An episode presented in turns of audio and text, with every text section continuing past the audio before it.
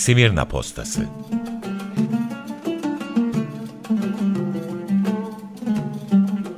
Unutturulan şehirden haberler ve insan hikayeleri.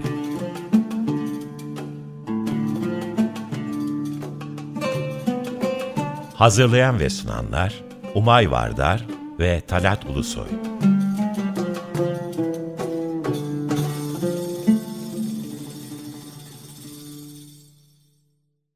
Merhaba sevgili Açık Radyo dinleyenleri. Bu hafta iki hafta önce Siren Bora ile başladığımız İzmir'in ilk Yahudi yerleşimi olan birinci Juderiya hakkında olan sohbetimizin ikinci kısmını dinleyeceksiniz. Sohbetin ortasından başlayanlar için program kayıtlarımıza Açık Radyo'nun web sitesinden ulaşabilirsiniz. İyi dinlemeler ve iyi hafta sonları diliyorum. En son e, rıhtımın doldurulmasında kalmıştık.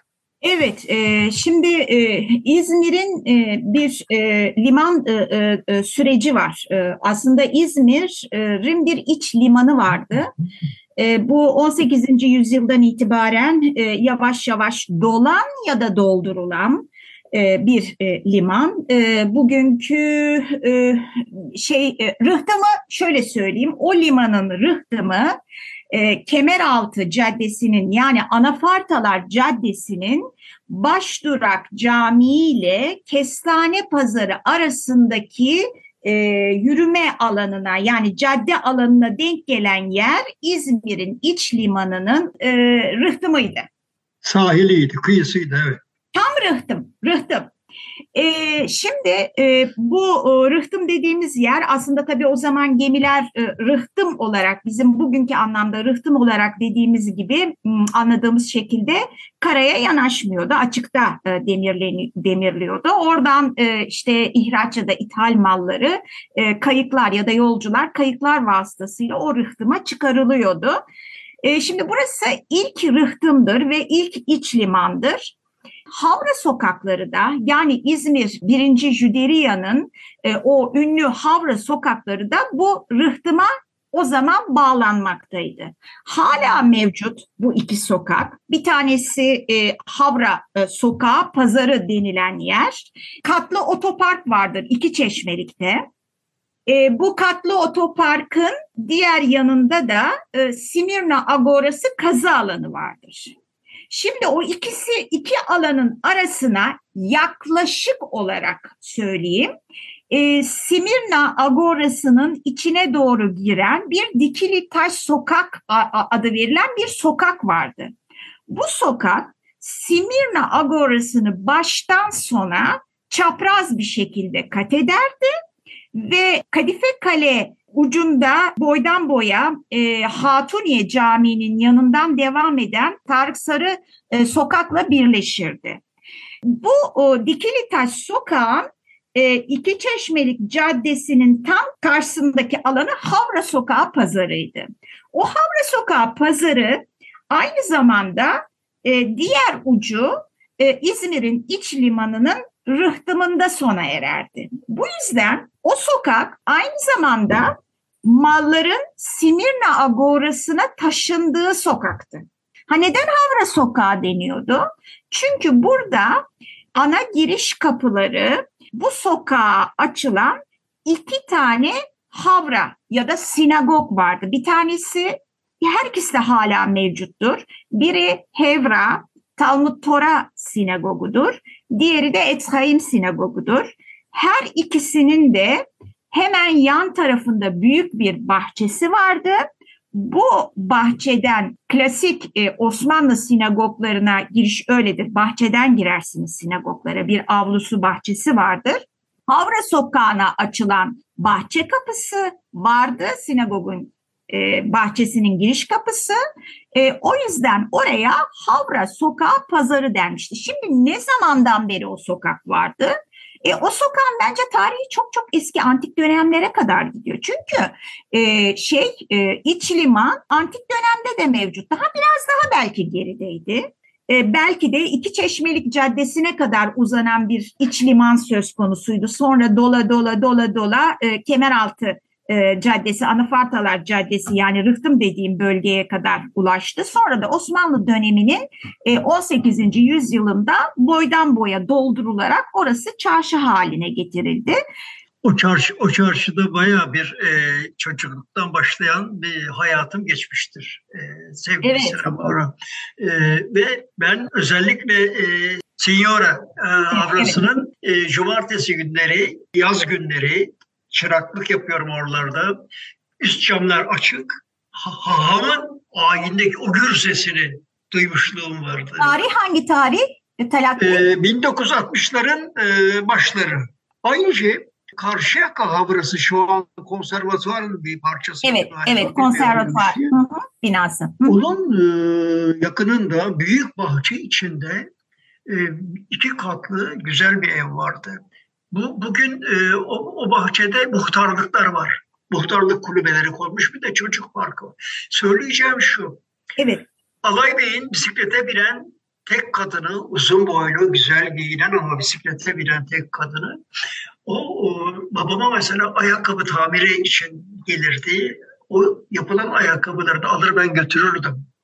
Öyle güzel muamele ederdi. Öyle güzel şey. İlla bir şeyle ikram edecek falan filan. İşte Havra Sokağı'ndan kafam ona gitti. O dediğin e, organizmanın canlılarını tanımanın ayrı bir şeyi var. Evet. Karşıyaka'nın çerçisi Moiz vardı. evet. Bugün tiyatro sokağında tiyatronun tam karşısındaydı evi. Evet. Atı arabası falan. Şimdi havralar havra sokağını bahsettikçe hep o canlanıyor gözümün önünde. E, sinagoglar canlı gidiyor. Yahudiler var tanıdık. E, Şimdi e, Havra Sokağı pazarının e, e, çok o, yani antik döneme giden bence tarihçesi var. E, bu o süreci ancak böyle bir harita eşliğinde anlatacak olursak işte e, limanın e, dolması eşliğinde belki e, caddenin uzaması söz konusu ama e, Rıhtım aynı bölgedeki Rıhtım e, o Rıhtım'dan Simürna Agorası'na e, taşınan mallar e, o cadde üzerinden yapılıyormuş. E, dolayısıyla en eski İzmir'in en eski e, ana güzergahlarından biridir orası diyebilirim. Bugün hala Evet. canlılığını Evet, koruyan evet. Çok Çok canlı. Ve yaklaşık olarak 70-80 e, yıllık işletmelerin de hala mevcut olduğu e, bir yer. Aynı zamanda orada e, Yahudilere özgü mesela koşer şarap üreten şaraphane var. İki tane şaraphane var. hala duruyor. O E, Evet, evet. bir. E, Şimdi mesela bir tanesinin üzerine Albayrak e, e, şeyi e, Albayrak pasajı inşa edilmiş. O yıkıldı. Yeniden oraya bir e, inşaat yapılıyor ama e, o o bölgenin e, tarihi e, perspektifini, e, tarihi özelliğini bozmayacak bir inşaat yapıyorlarmış. Bunu da yeni öğrendim. Diğer taraf- İnşallah. e, İnşallah. İnşallah, inşallah. Yani bizim hepimizin amacı o. Yani e, İzmir'in kültür varlıklarına sahip çıkmak. E, hepsi çünkü. İzmir'e ait. E, e, yani benim e, gözümde ve benim arkadaşlarımın gözünde biz e, e, e, camiydi, sinagogdu, kiliseydi vesaireydi biz ayırmayız. Diğer tarafta da yine Havra Sokağı üzerinde mesela Akın Pasajı vardı. O da yıkıldı. Onun Evet, de e, bir inşaat yapılıyor. Orasını da e, bir şarap evi yapacaklarmış zannediyorum. Orası da şaraphaneydi. Yani Yahudilere ait şaraphaneydi orası da. Şimdi e, bir tane daha e, Havra Sokağı var. İki tane Havra Sokağı var İzmir'de. Diğeri de 927 sokaktır. Talat Bey'in e, biraz önce sözünü ettiği e, Senyora Sinagogu ile e, Senyora Sinagogu'nun Rıhtım e, dediğim o yerle e, Anafartalar Caddesi ile başladığı yerden ne diyeyim size başlar. Gir- giriş, giriş alır. Mezarlık başına evet. doğru yürür. Hemen onun yanında e, 1640'lı 60'lı yıllarda inşa edilmiş olan e, Forasteros e, e, sinagogu vardır. E, Frankoslar yani e, Fransa'dan göç eden Yahudiler tarafından inşa edilmiştir. Yabancılar sinagogu olarak e, e, tanımlanır. O anlama geliyor zaten.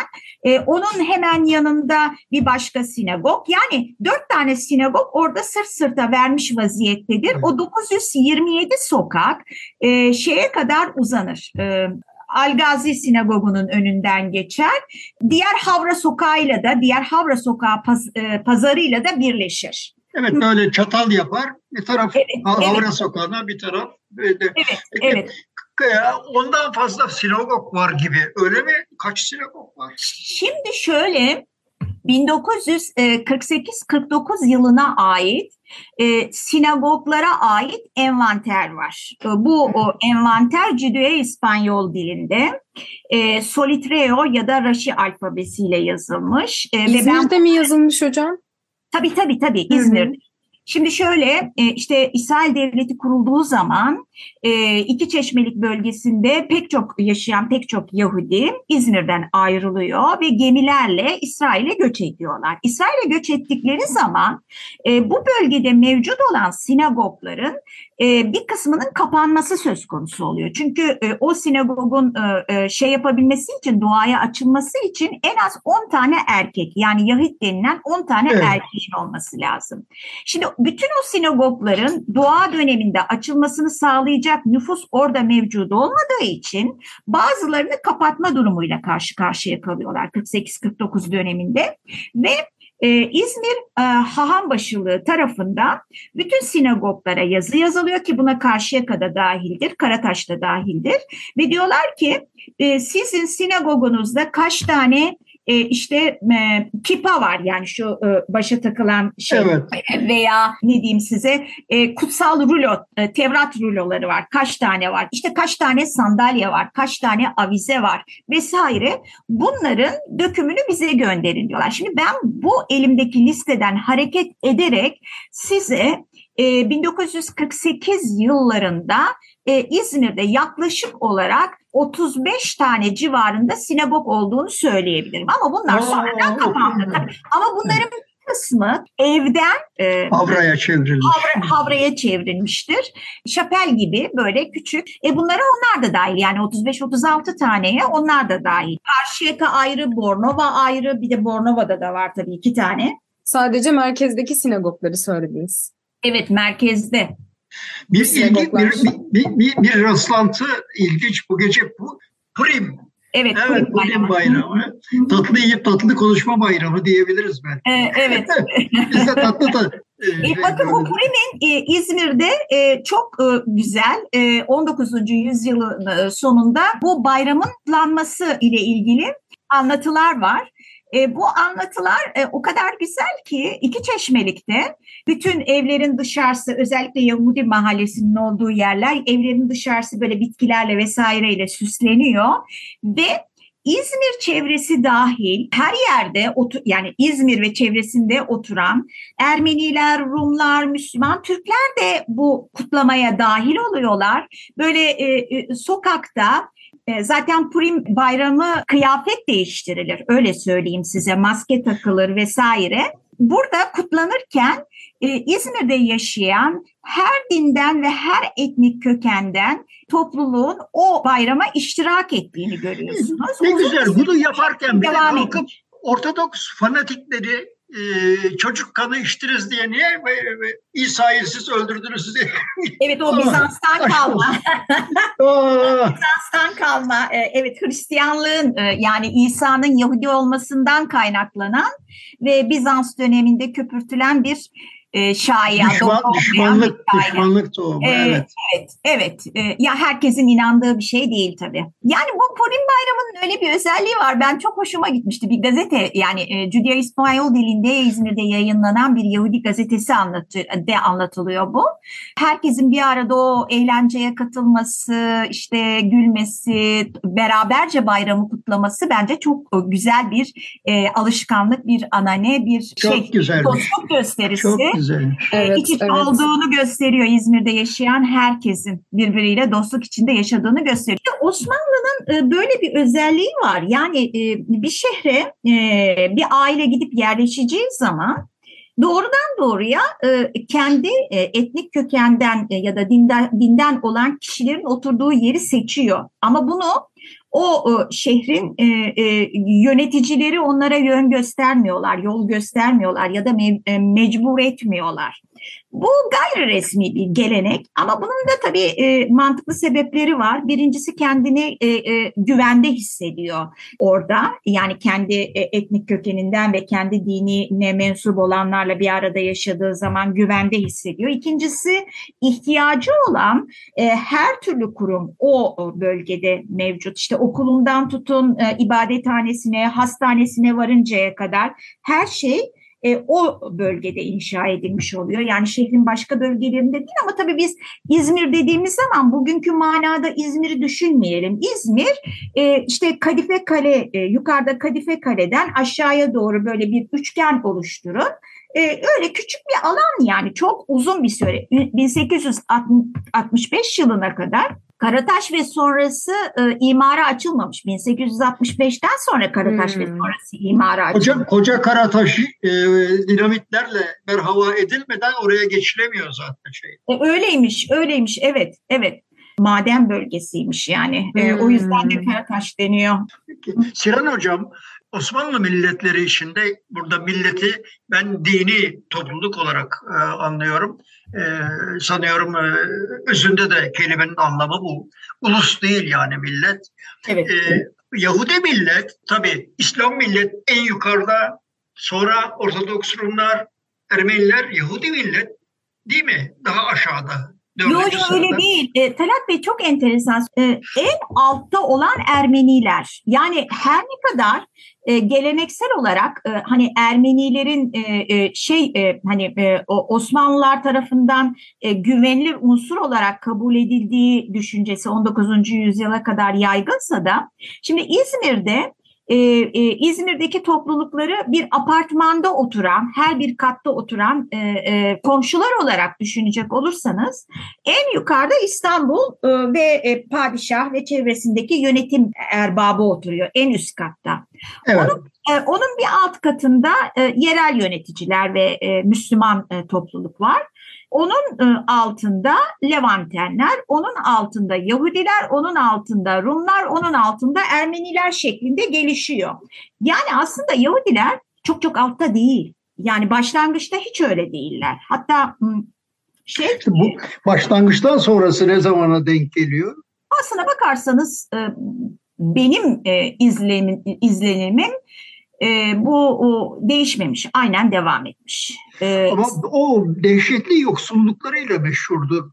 Tabii Talat Bey şimdi şöyle 18. yüzyıla kadar sefarat kültürü, sefarat metası etkin ve göçlerle de besleniyorlar o dönemde 18. yüzyıla kadar.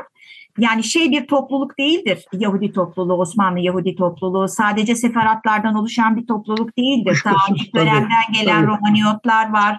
Ondan sonra 14. yüzyılda e, Anadolu'ya göç eden Almanya e, yani Orta Avrupa kökenli Almanya kökenli e, ondan sonra e, Orta Doğu'dan gelen Mizrahi dediğimiz yani doğulu dediklerimiz var. E, Kuzey Afrika'dan gelen Maravim dediğimiz var. E, ne kadar çeşitli o. E, çok çok farklı. E, sonra güzel. evet e, ondan sonra işte İber Yarımadası'ndan gelen e, separatlar var ama bu separatlar da aslında kendi işlerinde birbirine ayrı gruplara ayrılıyorlar. Mesela e, İtalya'dan, e, İber Yarımadası'ndan İtalya'ya ve Fransa'ya gidip oradan gelenler var. Onlar da iki ayrı gruba ayrılıyor. Mesela Fransa'nın değişik kentlerinden e, Anadolu'ya göç edenlere Frankos deniyor ki e, yabancı olarak kabul ediliyorlar. Bunlar çok zengin Yahudiler. Bir de Toskana, e, İtalya'nın Toskana bölgesinden yani İber Yarımadası'ndan Toskana'ya, Livorno'ya gidip yerleşip oradan da yine Anadolu'ya ve İzmir'e gelip yerleşenler var. E, bunlar da yine dönme olarak kabul ediliyor Maranos diye. Şimdi e, yani çok değişik. Ha bir de e, Rusya ve Polonya'dan göç eden 19. yüzyılın sonlarında ve 20. yüzyılın başında gelenler var. Sanıyorum yani, bu, bu özellikleriyle İzmir'in tercüman kaynağı bunlar değil mi? Aa tabii tabii tabii. Ben de yani, buradan bir soru sormak istiyordum. Ee, bu kadar farklı yerlerden gelen insanlar nasıl basın yayın faaliyetlerinde hangi dilleri kullanmışlar, nasıl alfabelerle basmışlar? Bu arşivleri tarama imkanınız oldu mu? Yani İzmir'deki e, matbaanın kuruluşu e, 17. yüzyıl sonra kapanmış. E, basının e, e, hayata Evet. geçtiği dönem. İlk, ilk Yahudiler ilk Yahudiler galiba değil mi? O Evet, kapanan İstanbul sonra. sonra İzmir. Evet. Ee, şimdi e, mesela basın e, basın e, e, aktivitesi ise 19. yüzyılda başlıyor. 19. yüzyılda gazeteler yayınlanmaya başlıyor. Ama şimdi şöyle bir şey var. Sizin sorduğunuz soru bağlamında hareket ettiğimiz zaman e, Anadolu'daki e, bu farklı e, coğrafyalardan e, ve farklı kültürlerden gelen Yahudiler her ne kadar bünyelerinde o kültürlere ait bir takım özellikleri ve alışkanlıkları e, bünyelerinde saklasalar da e, zamanla e, çok sayıda gelen zengin seferat kültürünün hem maddi hem manevi açıdan zengin seferat kültürünün etkisi altında hepsi seferatlaşmış. Zamanla e, işte e, şeyi kullanan Yunan alfabesini kullanan Romaniotlar zamanla Judeo-İspanyol e, e, dilini kullanmaya başlamışlar. Hatta belki Raşi'yi de öğrendi. Yani e, Anadolu Yahudilerinde bir sefaradlaşma söz konusu. Özellikle Batı Anadolu Yahudileri için konuşuyorum. E, şimdi basında da kullanılan dil e, üç e, farklı dil temel olarak hatta dört diyeyim. E, bunlar da sırayla e, ve farklı dönemlere göre değişiklik gösteriyor. Bir kere e, şeyi Osmanlıca kullanıyorlar. Sonra Raşi alfabesiyle Türkçe kullanıyorlar. Ondan sonra e, Judeo-İspanyolu Solitreo ve Raşi alfabesiyle kullanıyorlar. İbranice kullanıyorlar. Fransızca kullanıyorlar. Yani başlıca basında kullanılan diller bunlar.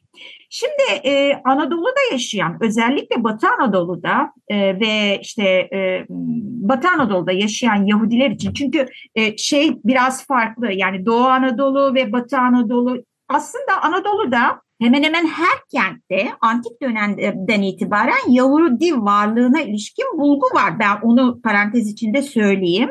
Ama biz Osmanlı dönemi için ve Batı Anadolu için konuşacak olursak e, Batı Anadolu Yahudileri üzerine çalışmak isteyenin öncelikle Osmanlıca öğrenmesi lazım. İbranice öğrenmesi lazım. Mezar taşları, yazıtlar İbranice. E, Judeo-İspanyol dilini öğrenmeleri lazım. Çünkü e, her ne kadar bugün yaşayan bir dil değil denilse de e, aslında e, topluluğun kullandığı ama yavaş yavaş ölmekte olan ve yaşatılmaya çalışılan bir dil. Raşi alfabesini muhakkak öğrenmeleri lazım. Çünkü Raşi alfabesi İbrani alfabesinden farklıdır ve Judeo-İspanyol dilini Raşi alfabesiyle kullanıp basmaktalar. El yazısı olunca Solitreo'yu Ayrıca e, Alyans İsrail'in e, işte 1870'li yıllardan itibaren bu bölgedeki e, ok, açtığı okullar ve kurumlar vasıtasından e, vasıtasıyla e, Fransızca öğrendikleri ve Fransızca okuyup yazdıkları ve konuştukları için e, Batı Anadolu Yahudileri üzerine çalışan kişinin Fransızcayı öğrenmesi gerekir. Batı Anadolu'da yaşayan Aşkenazların üzerine e, bir e, çalışma yapılmamıştır. Aşkenazlar iki grup halinde. Biri Avusturya ve Almanya kökenli Aşkenazlardır. Diğeri de Polonya ve e, şey kökenli, Rusya kökenli. Eğer Rusya kökenliler ve Polonya kökenliler üzerine çalışacaksanız onların orada öğrendikleri Yidiş'i ve Rusçayı öğrenmek gerekir. E, eğer Almanya ve Avusturya kökenli e, İzmir'de yaşayan Yahudiler üzerine çalışacaksanız tabii ki Almancayı da bilmeniz gerekir. Şimdi bu yoldan hareket edecek olursak Almanya'da arşivler var. Aynı zamanda burada cemaatin kullandığı e, şey Judeo-İspanyol dilini bilmeniz gerekiyor.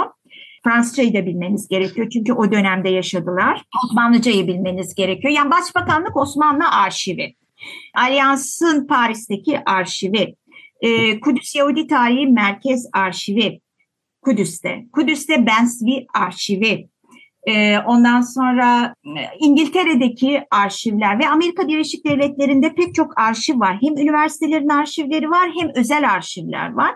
E, tabii İngilizce de bilmek gerekiyor. E, yani İngilizce kaynaklar da var, pek çok kaynaklar. Yani şey birinci elden kaynaktan söz ediyorum. Çok dilli İzmir'i öğrenmek, geçmişine dönmek için çok dili bilmek gerekiyor. E, son derece zengin e, kültüre sahip.